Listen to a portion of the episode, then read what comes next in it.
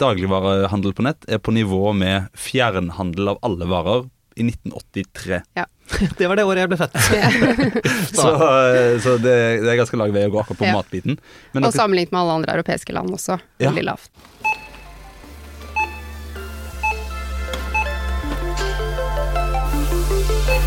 Hjertelig velkommen til Handlevogna. Jeg heter Bendik Solum Wist og er bransjedirektør for dagligvare i Virke. og jeg heter Runar Viksnes, og jeg er sjefanalytiker ved Virke. Du eh, har gått noen uker siden forrige episode, og da spilte vi inn deler av podkasten i et slags party- og utstyrstelt utenfor Colosseum kino mens regnet trommet på teltduken. Ja, jeg vet ikke om det var eh, arbeidsmiljøet den dagen, eller hva det var, men eh, jeg gikk i hvert fall ned for eh, sykdomstelling Ja. en ukes tid etterpå. Du pådro deg en ufrivillig høstforkjølelse og en ufrivillig høstferie også. etterpå. Ja, det stemmer. Sånn Mens alle andre faktisk nøt høstferien kanskje på fjellet og andre steder, så var du hjemme med sykdom. Ja, det, det unner jeg andre å ha fått nøte den uka. Ja. Jeg uh, hadde det ikke så. Gleder du deg over at jeg da ikke har spilt inn noe som helst i mellomtiden, og bare sittet her og ventet og tvinnet tommeltotter og ventet på deg? Ja, det syns jeg er veldig hyggelig. Men vi skal jo følge opp tematikken litt fra forrige episode, eh, fordi dagens gjest er nemlig sjefen for hurtighandel i Fodora. Dvs. Si selskapet med de rosa sykkelbudene som folk kanskje kjenner best for leveranse av restaurantmat på døra, men som nå jaggu skal utfordre de eksisterende dagligvaregigantene om leveranser av mat også, eh, i handlepose. Goliat møter en ny David. Ja, ikke sant? Og vi snakker med alle Davider og Goliater, vi, så lenge de leverer dagligvarer. Og så kommer vi til slutt til kassa, og det er slutten av handelturen der du har med deg noe som du skal bippe gjennom. Hva er det du har med deg i dag? Jeg har med noen grønnsaker fra Amerika. Fra Amerika, du! Ja, ja vel, sant. Spennende. Og vi skal jo spise mer grønt. eh, Det skal vi også snakke litt mer om etterpå, forresten. Ja. Så det blir spennende. Men siden sist, Runar, bortsett fra at du har hatt både ufrivillig høstforkjølelse og ufrivillig høstferie, hva har skjedd som lytterne bør vite om? Oh, jeg har lært svaret på følgende gåte. Ok, Hva fortell. Får du for 2457 milliarder kroner? Eh, du får ganske mye havvindsatsing, eksempel. Eller Om du hadde fått havvind, ja! Om du hadde fått, ja. Hvis noen hadde giddet å bruke så mye penger på det. Eller du får kanskje Får du Stad skipstunnel, eller hva med Nord-Norgebanen? Akkurat Stad skipstunnel Nord- Nord-Norge-banen får du ikke, men du Nei. får driften av den norske stat i 2024. Ja, det er statsbudsjettet vi skal snakke om. Det er statsbudsjettet. Eh, og av alle disse 18-14 milliardene eh, som fordeles, så er det litt grann som drypper på rundt dagligvaremarkedet, faktisk. Ja. Det legges noen millioner kroner, seks millioner i Konkurransetilsynet Ekstra? ekstra. Ja. Det legges noen ekstra prisjusteringskroner på å opprettholde Merkur-ordningen, på å videreføre en del eh, organer og etater som eh, er i og rundt eh, dagligvarebransjen, så det er vel og bra. Og Merkur-ordningen det er da for å opprettholde butikker i distriktene der hvor det er Ja, Få der, butikker. der ingen skulle tro at noen trengte matvarer. Ikke sant? Eh, og så har det kommet en liten endring i tollsatser også. Ja. Det blir kjapt nyhetssaker av den slags. Ja, ja, men. Særlig når vi allerede vet at vi burde spise mer frukt og grønt. Og så tilrettelegges det nå for at uh, visse grønnsaker skal bli dyrere. Blant annet, og nå leser jeg på nynorsk fra NRK. Isalat, raudbeter og kålrot er noen av grønnsakene som nå kan få en heftig toll på over 100% Ikke riktig vei å gå for å støtte opp om de norske kosthaldsråda, sier landbruksforsker.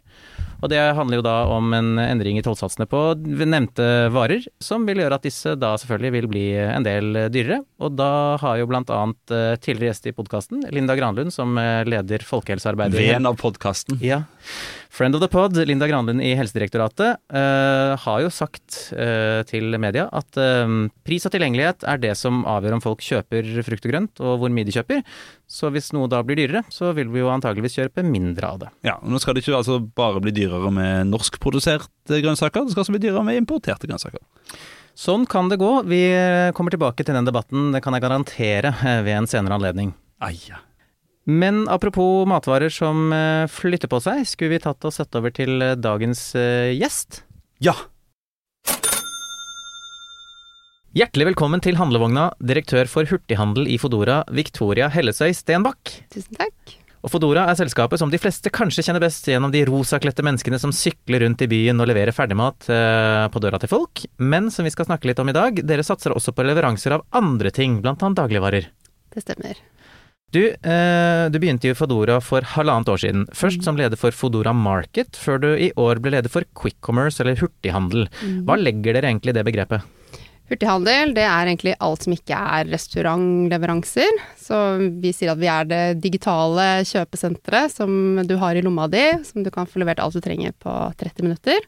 Så det er alt fra blomster, leker PlayStation kan du få levert på døra på en halvtime hvis du ønsker det. Har du noen gang vært borti den problemstillingen i dag? Jeg har en kompis som, eh, som eh, trengte ny TV mens han spilte PlayStation. Fordi Ja. han kasta fjernkontrollen gjennom skjermen idet han tapte en kamp. Ikke sant? Eh, og da lot de PlayStation stå på. Kjørte til Elkjøp, kjøpte en ny TV, kobla til TV-en og spilte ferdig kamp. Ja. Det hadde jo da ikke trengt. Nå kunne du bare kommet med en ny TV. Nettopp. Mens de gikk på do eller gjorde noe annet? Hentet mer drikke eller Ja, ja, ja. Ja. Men er det noen vektbegrensning? Eh, nei, hvis det er over åtte kilo, så går det på bil. Ja, Nettopp. Men under 30 minutter, og alt det du nevnte nå, altså jeg har aldri vært borti behov for å behandle leker på 30 minutter, men hvis man har glemt en bursdagsfest f.eks.? Det har skjedd meg flere ganger, Ja. for jeg har to små barn. Ja. Så det hender at eh, vi står liksom på vei ut døra, og så har vi glemt eh, gave. Da kan vi få det levert pakka. Ja. Direkte På på vei til bursdagen. Kan bestille det dit òg, hvis man tenker enda lenger fram. Det har for så vidt ikke jeg gjort, men Nei. eh, da har vi venta litt, og så kommer det.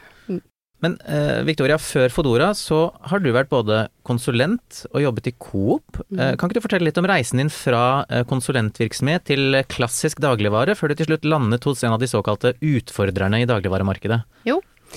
Eh, Jeg var konsulent i fem år, eh, og noen av fordelene med det er jo at man Det er jo eh, tøft og krevende, men man får en sånn grunnleggende verktøykasse som egentlig tror jeg alltid kommer til å dra nytte av. Eh, Samtidig så får man òg testet veldig mange ulike bransjer og disipliner innad i bransjer. Så eh, jeg prøvde masse forskjellig når jeg jobbet som konsulent, og syns egentlig veldig mye var ganske kjedelig. Det skal være helt ærlig. Men da jeg jobbet på dagligvareprosjekter, så merket jeg at jeg hadde det veldig gøy, da. Så det var egentlig det som gjorde at jeg kjente at det var, var det jeg ville. Jeg har jo også retail-bakgrunn. Jeg jobbet som butikksjef før jeg begynte å studere. Jeg jobbet i butikk siden jeg var 15, så jeg har liksom retail litt i blodet. Syns det er veldig gøy. Så da ble det naturlig å gå dit, og da jobbet jeg i en eh, ja, slags sånn inhouse konsulentavdeling i, i Coop, hvor man også fikk gjøre mye forskjellig, da. Så da jobbet jeg på blant annet noen veldig sånn operasjonelle prosjekter. Vi skulle forbedre rutiner for å spare tid på varepåfylling, liksom veldig nitty-gritty eh, ting. Men òg mer strategiske og innovative prosjekter. Så under covid så var jeg blant annet prosjektleder for å sette opp en netthandelsløsning eh, for Coop, da, som var sånn, eh, ja, mer sånn samfunnsansvar-respons på, på pandemien, da. Og da kjente jeg jo veldig at jeg ville jobbe med netthandel. Eh, personlig så er jeg også litt sånn die hard netthandler. Jeg tror familiens spenn er sånn 90% digitalt.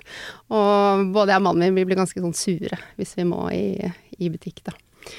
Og så tror jeg også egentlig at alle har en netthandler inni seg. De bare har kanskje ikke prøvd det ennå, eller har prøvd det nok til å få inn vanen. For det sparer enormt mye tid, da. Ja, det er litt sånn rutinegreie, det der å få seg til å Altså, man har jo telefonen i lomma hele tiden, så den er jo Mm. tilgjengelig. Ja, Men eh, hvis du skal handle en hel eh, handlekurv, da, og så faktisk sette seg ned de 20 minuttene det tar å fylle den kurven og så betale mm. Ta ikke 20 minutter. Ta ikke 20 minutter. Nei, men altså, altså det er ekstremt mye volum som går på nett i dag. Mm. Men du har kanskje valgt eh, Du har valgt den delen av Foodora som jobber med de mest modne nettbransjene. Mm. Fordi når vi ser på våre tall på netthandel, så er nivåene rundt sånn 35-40% av alle korttransaksjoner går på nett. Mm. Utenom dagligvarehandelen. Der er andelen 4 Mm. Oi. Det er lavt. Ja, altså Dagligvarehandel på nett er på nivå med fjernhandel av alle varer i 1983. Det var det året jeg ble født. Så, så det, det er ganske lang vei å gå akkurat på Ja. matbiten. Men Og sammenlignet med alle andre europeiske land også. Ja. Veldig lavt. det er veldig Mm. lavt. Men eh, er det sånn at dere satser mer på andre varetyper, eller er det liksom dagligvarer og alt går i én sekk? Altså, vi er jo et plattformselskap, vi skal løse alle kundenes problemer, om det er eh, ja, leker til barnebursdagen eller, eller dagligvarer. sånn at jeg vil vel egentlig si at vi, vi satser eh, mest på å løse, løse mange problemer, da. Og kan, kan du løse flere problemer på samme tur? Det kan du. F.eks. for eksempel på Fodora Market så har vi et tradisjonelt dagligvaresortiment, men vi tilbyr også litt andre ting for å måtte krydre dagligvareopplevelsen og være litt mer uh, unike. Så vi har f.eks. et samarbeid med tights.no, hvor vi kan selge deres lavkarboprodukter eller sukkerfrie varianter. Eh, vi har også erotiske produkter, som vi kanskje ikke adverterer så, så synlig, men man kan kjøpe en vibrator med fredagstacoen hos oss. Ikke sant? Fem om dagen pluss én. ja. Og så er det veldig viktig å få den levert i løpet av 30 minutter. Nå haster det! Ja. Du, hva var det med Fodora som frista deg til å tre ut av den mer tradisjonelle dagligvarebransjen? Du fikk jo muligheten til å jobbe med netthandel i Coop, men eh, du, du hoppet likevel. Ja. Så hvorfor det? Eh, nei, jeg tror for min del så Jeg liker at ting går litt fort. Eh, og hos de store, etablerte selskapene så er det lange beslutningsveier, og det er helt eh, naturlig. Så det var en av de tingene som, som tiltrakk meg til eh, Fodora, at det er litt eh, fart. Eh, det passer meg godt. Eh, og så er det også noe med den utfordrerånden, at de ønsker å utfordre det eksisterende, og det å etablere en tjeneste som faktisk er på kundenes premisser. Og min personlige mening når det gjelder egentlig alle de etablerte dagligvareaktørene, er at innovasjonstakten i Norge er eh, for lav. Og så vil jo de sikkert være uenig i det, men jeg tenker hvis man tenker sånn bare enkel insentivteori, da, hvis du har tre store, ganske like aktører som har 95% av markedsandelene, hvor de tjener gode penger på det fysiske markedet, så er det egentlig ingen av de som har insentiver til å vri kundene ordentlig over på mindre lønnsom eh, netthandel. Da. Det er nok en av grunnene til at, det, at jeg så at Fodora liksom ønsket å etablere noe som virkelig passer kundene. Da, at du kan få ting levert raskt, du trenger ikke planlegge noen ting. Kan vi ta et steg tilbake nå, fordi at uh, For de historieinteresserte, altså hvor kommer egentlig Fodora fra? Altså det ligger jo food i navnet, så da har det med mhm. mat å gjøre. Men liksom, hvor er opphavet? Hvilket land, hvilke mange land er dere i? Kan du fortelle litt om selskapet? Ja. Jeg kan jo fortelle litt om morselskapet vårt. Vi eies av Delivery Hero, som sitter i Tyskland og er børsnotert der. Det er et enormt selskap. Det er verdens største leverandør av eh, ja, raske leveringer, om det er mat eller ting eller hva det skal være. De opererer i 70 land, så det er store, store forhold. Det gjør at vi kan også hente mye beste praksis fra andre land som startet før oss. Og så Fodora-brandet, det finnes i åtte land i Europa. Så ja, Delivery Hero har veldig mange brands da, globalt, som egentlig gjør mye av det samme. Så man kan ha fått maten levert i USA av noe som er eid av dem, men ikke heter Fodora, f.eks.? Ja, ikke akkurat USA, Nei. men i Midtøsten, Latin-Amerika, Asia, ja. Mm, skjønner. Men konseptene er alltid urbane områder sykkelbasert? Ja. ja. Og så mm. varierer det jo. Noen land har jo mye scooter, noen må ha bil, noen har mer oppoverbakker og nedoverbakker enn andre. Ja, det, men grunnkonseptet er stort sett det samme. Mm. Mm. Men startet det hele med eh, å levere ferdigmat fra restauranter hjem på døra til folk? Ja, så i Norge så startet Fodora i 2015, og da var det en som hadde vært og sett dette i Tyskland og spurte kan jeg få lov å teste dette i Norge. Hadde på seg rosa klær og syklet rundt eh, med, med sånn to restauranter på, på Grünerløkka, og sånn, sånn, startet det, da. Og så vokste det jo ganske raskt, og så fikk jo Fodora selvfølgelig en voldsom akselerasjon i, i veksten under covid, da. Nettopp. Så det må en, eh, en, internasjonal krise til for at man skal få snudd folks handlevaner. Må nok det. Ja. Men altså, hva fikk dere til å tenke at dagligvaremarkedet burde være neste satsingsområde? Eh, du har jo nevnt leker og eh, sexleketøy og blomster også, mhm. men så dagligvare, hvorfor det? Det er jo fordi vi så at dette var stort i så å si alle andre land. Eh, og så er vi er jo litt spesielle i Norge med at vi har veldig mange butikker og en lav netthandelsandel. Men vi er ikke så rare at det ikke skulle være noe marked, marked her. Så Fodora Market åpnet februar 2021. Det var sånn tjukt inne, inne i pandemien, og tenkte at det var en god tid for å teste. Hvis man skulle teste hurtighandel av dagligvarer i Norge, så passet det veldig bra da. Faktisk en liten anekdote her. Eh, jeg benyttet meg faktisk selv av Fodora Market. Da jeg i fjor sommer skulle bygge terrasse, så hadde jeg litt dårlig tid fordi det var regn i vente noen dager senere. Jeg måtte bare jobbe, jobbe, jobbe. Og da føltes den kostnaden ved å måtte forlate byggeprosjektet som såpass høy at jeg bestilte meg da en handlepose med God morgen-yoghurt og cola og sjokolade og ja. litt sunn mat òg, da. Ja, ja. Det må jeg si. uh, og det kom levert på døra i løpet av ja, 40 minutter eller noe sånt nå. Mm. Og det kosta kanskje litt mer enn å gå på lavprisbutikken borti gata, men jeg følte at jeg ikke hadde tid, så det var verdt å liksom få maten levert istedenfor, da. Mm. Er det det som er konseptet? At det, ok, det koster kanskje litt mer, men fordi folk har så mye tidsklemme, så er de villige til å betale litt ekstra?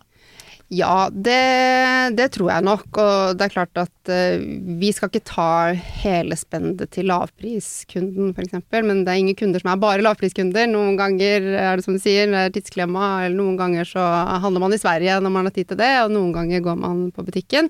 Så det er alle de gangene du verdsetter din egen tid mer enn noe annet, så skal vi være der, og da skal man få alt man trenger hos oss, pluss egentlig litt til, da. Jeg har jo også en egen erfaring eh, med at jeg var Jeg satt fast i leiligheten i byen med et barn. Og så oppdaget jeg til min fortvilelse at jeg hadde glemt et par ingredienser til, til maten. Eh, og så hadde jeg ingen naboer som var gode nok til at jeg kunne ringe til dem og liksom sende dem på butikken for meg. Så da var Foodora Market en ganske enkel måte å få varene hjem. Men eh, jeg merker jo at eh, det geografiske nedslagsfeltet er jo ikke så veldig stort. Du skal være ganske tettbygd før det er effektivt eh, nettverk rundt det. Det stemmer. Er dette noe som alltid vil være forbeholdt de aller, aller største byene? Jeg tror nok det i sånn nærmeste fremtid. Du har eksempler i andre land hvor man prøver seg på også et mer sånn melkerutekonsept. Vi har gjort en pilot på det hvor vi har på en måte utvidet sonen vår i Lillestrøm ut mot Fettsund, og så for så vidt at det, det fungerte ganske godt. Det, det er liksom tanker vi, vi leker med, da, men uten at vi måte, Det er hovedfokuset vårt eh, nå. Mm. Men da kan du ha mer at du kan levere Du kan ha åtte ordre på én bil, og så har du et større leveringsvindu enn den 30-minutteren, da. Mm. Men, men hva gjør dere for å lokke dagligvarekundene liksom ut fra den faste tralten med at de finner seg selv i kassa eller i, på vei gjennom butikken med korga si, og istedenfor skal gjøre andre ting Mhm. og får det bestilt hjem? Hva, hva gjør dere for å komme inn i, eh, Ja. hodene? Nå, det sies jo måtte, ofte at uh, norske forbrukernes handlevaner innenfor dagligvare ikke passer for netthandel, fordi vi har så mange butikker. Og noe av det er nok sant, og det er nok krevende for de netthandlere som også skal lære nordmenn å ukeshandle. For vi gjør ikke det i forhold til veldig mange andre land. Vi kan jo finne på å stå i butikken og bestemme hva vi skal ha til middag samme dag. Det, det er det Hver ingen dag. andre som gjør. Ja, hver dag. Ja. Eh, sånn at det er egentlig den mangelen på å planlegge er egentlig noe som passer hurtighandel veldig godt. Da. Så da er det jo det å komme over den, den dørstokkmila det er å, teste noe nytt for, eh, for første gang. Uh, og vi, Fodora, vi var jo først i Norge. Vi har en stor kundebase. Appen er lastet ned over 1,2 millioner ganger. Sånn at vi har mange aktive restaurantkunder som vi da kan konvertere over til å være mer sånn multivertikal kunder, da, til også å bruke hurtighandelsbenet. Hvordan har det egentlig gått med dagligvaresatsingen siden dere åpna Foodora Market i Norge? Vi må jo si at det har gått veldig bra. Eh, Vi hadde en voldsom vekst i starten, selvfølgelig. Vi lanserte helt på, på halen av, eh, av covid. Og så har jo vi også merket en eh, endring i fokus fra vekst til, eh, til lønnsomhet. Og det handler jo om kapitalmarkedenes forventninger og at penger ikke er gratis eh, lenger. Eh, men eh, vi ligger an til vekst mot fjoråret eh, selv i dette klimaet, så det er vi jo selvfølgelig veldig, veldig fornøyde med, da. Mm.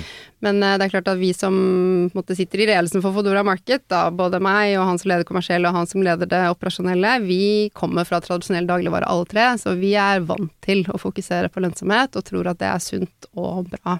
Mm. Men betyr det at dere, dere går med lønnsomhet nå, eller er det Nei da, Nei ingen da. måte. Nei, fordi det er sånn, er er dere sånn at dere skal skalere opp, og så er det liksom et stykke fram i tid, så skal dere ha så stor skala at det blir lønnsomt, liksom? Ja, Ja. det stemmer. Og så har nok det stykket fram i tid, det var nok veldig lenge, mye lenger fram, bare for et par år siden, enn enn det er nå. Sånn at nå eh, fokuserer vi mer på hvis vi skal ha et spennende kundetilbud, og vi tester masse nytt og spennende, men vi må også ha kontroll på kostnadssiden og være effektive, da. Så vi, vi må komme dit eh, raskere, og det tror jeg absolutt vi klarer. Men eh, hvis en ser på de andre aktørene som har forsøkt å etablere seg på, på nett for Mm. dagligvarer i Norge, så har jo det bidratt til å trekke ned lønnsomheten til nettbutikker i Norge ganske betraktelig. Mm. Eh, men de har òg kanskje gjort større kapitalinvesteringer enn det dere har vært nødt til å gjøre. Ja.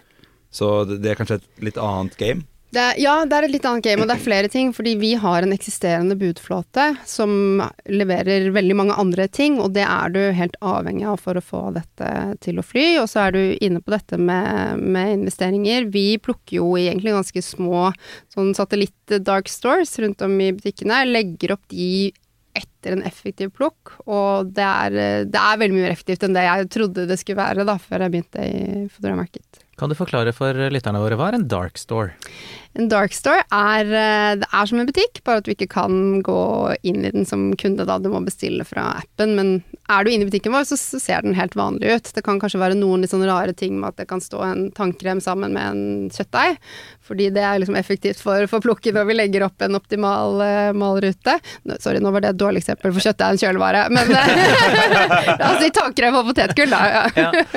Og det er fordi at ja, det er mange kjøper begge de tingene. Ja. Men, men, men, men dette er jo interessant, fordi eh, jeg har sett noen andre sånne kyniske naboplasseringer i vanlig butikk. Ja. Eh, for eksempel tamponger og sjokolade som står ved siden av Ja. Eh, men det, det er det andre, det andre hensynet enn plukken som er Det er det. De tingene du snakker om der, det gjør jo vi i vår app, da. Ja, Ja. ikke sant. Dere gjør det i appen, men Ja. ikke i butikken. Nei. Hvordan sørger dere for at kundene finner det de er ute etter? Vi omtaler oss jo ofte som et uh, tech-selskap, sånn at all teknologien som ligger bak appen, den er jo selvfølgelig kjempeviktig og en del av DNA-et vårt, men det er på en måte også bare en enabler for det vi skal levere, som er en retail-tjeneste. Så vi er retailere i bunn, og det er um, mannen min som er strategikonsulent, han pleier å si at det er så kjedelig å jobbe med retail, fordi det har ikke så stor effekt hvilke liksom store vyer man finner på på toppen, fordi verdien skapes ofte i siste leddet, da. Man må ha litt grønne fingre. Det handler om hvor hylleforkanteren står, og hvordan enderolen ser ut, og hvordan lyssettingen er. Og det er også veldig overførbart til det vi driver med, da. Det er kjempeviktig hvordan kategoritreet vårt er bygd opp, hvilke varer og tilbud vi presenterer til deg og til deg, f.eks. At det kan være ulike ting. Eh, Sånn at eh, det er liksom viktig å å forstå da, at det er ikke bare, du kan ikke bare ha et dekk og så løser algoritmene alt. Det er også veldig mye sånn, manuell retail-arbeid som, som ligger i det produktet vi viser, da. Det er bare at arenaen er digital. Ja, typ. Jeg vet at i Amazon så snakker de om at sånn 15% av salget deres er mersalg. Mm. At eh, folk har nesten fulgt opp handlevogna, og så ser de hva som er anbefalt for seg. Mm. Eh, er mersalg et element også i, eh, i deres eh, konsept? Definitivt, og det er jo også sammenlignbart med, med fysisk butikk. Du har sjokkselgeren ved kassa med ukens Nettopp. eh, tilbud, og det kan vi også presentere til deg når du er i, i checkouten. Når du står i checkout ved kassa, så Mm. kommer all den usunne maten som du Mm. egentlig ikke hadde tenkt å kjøpe, men fordi du er så sulten, så ja, Her er det 30 minutter å vente, da, så det er jo litt eh, lenger enn eh, den impulskontrollsjokoladen som ligger rett ved kassa. Det er et veldig interessant eh, konsept å se om dere selger like mye sjokolade på den der checkouten eh, som, som det en gjør i en vanlig butikk. Ja, Har dere husket knaskerøtter i dag? Ja. Herr, her Berntsen. ja da er det ikke like effektivt. Hos Amazon så var det jo et gjentagende problem at uh, uansett hva du kjøpte, så fikk du anbefalt 'Fangen fra Askaban', den Harry Potter-boka. Fordi Ja. alle hadde kjøpt den boka. Så, så de måtte hardkode den må- ut ja. av Da anbefalingene. må du se litt, ja. Eh, finnes det noen sånne varer i Foodora-registeret som alle har kjøpt? Eh, hos oss er det Pepsi Max. Nordmenn er, altså. er helt Ja. gale til Pepsi Max. Det er også noe disse i Berlin syns er litt rart. Ja. Fordi i alle andre land så er det jo Det er Bård Hoksrud og gjengen. ja. Eh, men dere er ikke det eneste som satser på, på hurtighandel med dagligvarer i Norge. Eh, hva gjør dere for å skille dere ut i faunaen av apper og nettbutikker?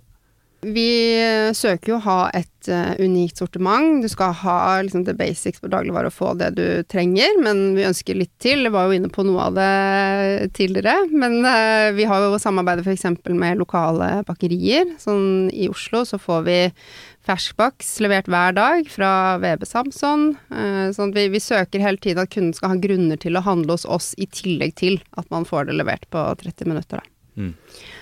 Men er, men er konseptet at du skal gjøre supplementshandlingen hos Foodora, eller skal du gjøre liksom alt? Du kan gjøre alt, og det er jo litt inn på din historie, da, hvordan at du manglet noe, og det var første gang du bestilte.